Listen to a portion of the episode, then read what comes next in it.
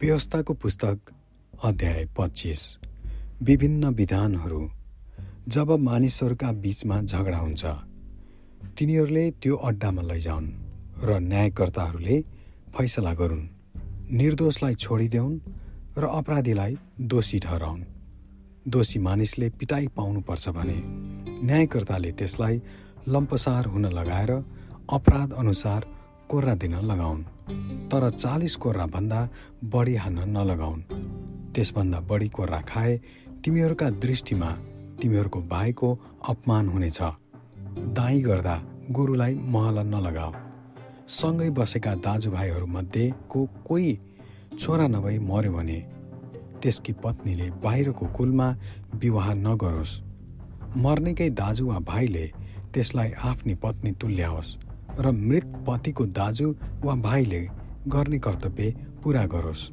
त्यसले जन्माएको जेठो छोरालाई मरेको दाजु कि भाइको नाउँ राखिदियोस् र त्यसको नाउँ इजरायलमा नमेटियोस्। तर देवरले आफ्नी भाउजूलाई राख्न मन गरेन भने भाउजूले सहरको मूल ढोकामा धर्मगुरुहरू कहाँ गएर यसो भनोस् मेरो देवरले आफ्नो दाजुको नाउँ इजरायलमा कायम गर्न राख्न मान्दैन।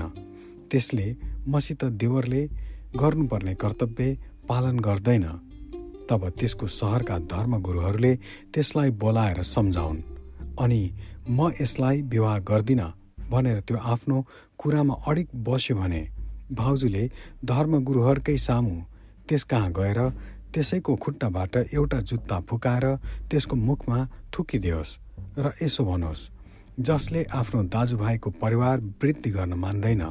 त्यसलाई यसै गरिनेछ अनि इजरायलमा त्यस पुरुषको घरानालाई जुत्ता फुकालेको घराना भनिनेछ आपसमा लड्ने दुई पुरुषमध्ये एकजनाकी पत्नी आएर आफ्नो पतिलाई बचाउन विरोधीको गुप्त अङ्ग अठ्याई भने तिमीहरूले त्यसको हात काटिदिनु त्यसलाई टिठ्याउँदै नटिठ्याउनु। तिमीहरूको थैलोमा एउटै तौलको लागि कम र ज्यादा ओजन भएका ढकहरू नराख्नु। तिमीहरूको घरमा पनि एउटै नापको लागि दुई किसिमका मानापाथी नराख्नु। तर तिमीहरूसँग ठिक तौल र परिमाणका ढक र मानापाथी हुनुपर्छ ताकि परमप्रभु तिमीहरूका परमेश्वरले दिनुहुने देशमा तिमीहरूको आयु लामो होस्। किनकि यस्ता काम गर्ने र बैमानी गर्नेलाई परमप्रभु तिमीहरूका परमेश्वरले घृणा गर्नुहुन्छ। मिश्रबाट आउँदा अमालेकीहरूले बाटोमा तिमीहरूसित गरेको व्यवहार नभुल। तिमीहरू बाटोमा थाकेर हैरान भएको बेलामा उनीहरूले तिमीहरूलाई भेटे र थाकेपछि परेका सबैलाई मारे। उनीहरूले परमेश्वरको डर मानेनन्। परमप्रभु तिमीहरूका परमेश्वरले तिमीहरूको अधिकारमा दिनुहुने देशमा शत्रुहरूको आक्रमणदेखि विश्राम पाएपछि पृथ्वीबाट अमालेकीहरूको नाउँ निशानै मेटिदिनु। तिमीहरूले यो कुरा कहिल्यै नभुल्नु। आमेन।